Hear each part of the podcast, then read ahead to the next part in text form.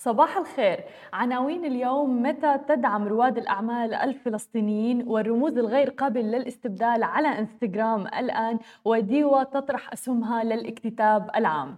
يا أهلا وسهلا فيكم ببرنامجكم تك بالعربي. معكم أنا هالة بسام. لا اليوم الأربعاء خلونا نبدأ بأخبارنا لليوم المتعلقة في عالم التكنولوجيا. وأول خبر معنا لليوم عن شركة متى أعلنت متى يوم أمس عن مبادرة جديدة لدعم رواد الأعمال الفلسطينيين والشركات الصغيرة من خلال منح مالية وبرامج لبناء القدرات. تهدف إلى تطوير مهاراتهم الرقمية ليتمكنوا من التغلب على التحديات الراهنة. وتتشارك متى مع منظمة شركات ناشئة بلا حدود لتقديم المبادرة الجديدة اللي تقوم على ثلاثة ركائز أساسية واللي هي التبرع بمبلغ 100 ألف دولار أمريكي وأيضا برنامج شركات ناشئة بلا حدود الفلسطيني لتدريب 500 شركة صغيرة وأيضا تعزيز الشراكات مع المنظمات المحلية لتوسيع نطاق جهود متى في فلسطين. وتهدف هذه المبادرة إلى بناء قدرات أصحاب الأعمال الصغيرة ورواد الأعمال وتمكين المؤسسات من تحفيز المنظومة الشاملة للأعمال في فلسطين فضلا أيضا عن منحهم الفرصة للنمو خارج فلسطين. وبالإضافة إلى هذا التبرع تطلق متى برنامج شركات ناشئة بلا حدود الفلسطيني لبناء قدرات وتدريب 500 شركة صغيرة على كيفية استخدام أدوات ومنصات متى لتحقيق نموهم. وذلك بالشراكة مع شركات ناشئة بلا حدود اللي رح توفر مزيج من دورات التعلم التعلم الافتراضية والفعلية لتنمية مهارات الشركات الناشئة والشركات الصغيرة والمتوسطة أيضا.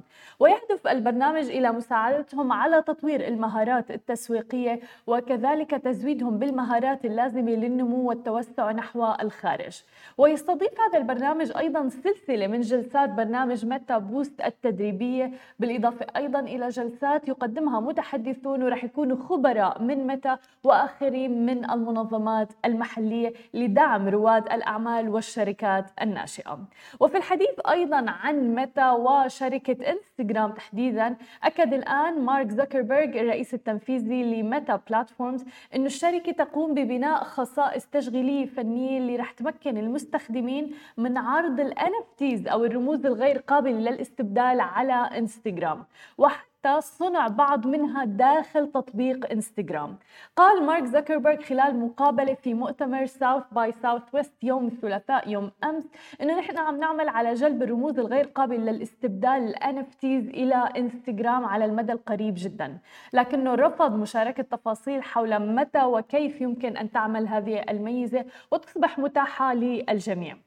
قضى زكربيرج معظم المحادثة اللي استمرت حوالي 50 دقيقة عم يتحدث فيها عن الميتافيرس ورؤيته لنسخة غامرة أكثر من الإنترنت. وقال أيضا ديفيد المدير التنفيذي السابق لشركة ميتا في أغسطس الماضي أن الشركة تدرس بناء ميزات الرموز الغير قابلة للاستبدال جنبا إلى جنب مع محفظة نوفي الرقمية الخاصة بالشركة.